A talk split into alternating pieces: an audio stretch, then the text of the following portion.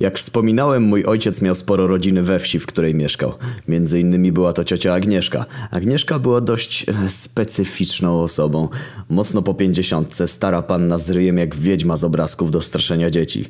Miała spory dom, w którym jebało kocim gównem, bo jako stara panna oczywiście miała jebane kocie miasto u siebie w domu. Ale oprócz tych śmierdzących sierściuchów posiadała ptaszka. Była to duża, gadająca papuga, która jedynie potrafiła powiedzieć imię swojej właścicielki, więc w kółko w salonie darła pizdę napierdalając skrzydłami jak popierdolona w każdą stronę. Agnieszka! Agnieszka! Agnieszka! Kiedyś z ojcem zostaliśmy sami z papugą, bo Agnieszka musiała jechać do miasta do sklepu. Ojciec wpadł na zajebisty pomysł, żeby nauczyć papugę gadać. Po kilku godzinach trudnych rozmów z papugą wróciła Agnieszka.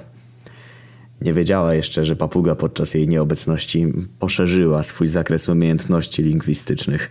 Tak więc Agnieszka wbija do salonu się przywitać, a ta papuga na pełnej piździe zaczyna drzeć się Kurwa, spierdalaj! Agnieszka! Kurwa, Agnieszka, spierdalaj! I tak w kółko. Ona blada. Ja patrzę się na ojca, a ten wstaje, wybucha śmiechem i mówi, że e, śpieszymy się do domu, żeby jak najszybciej oddalić się z miejsca zbrodni.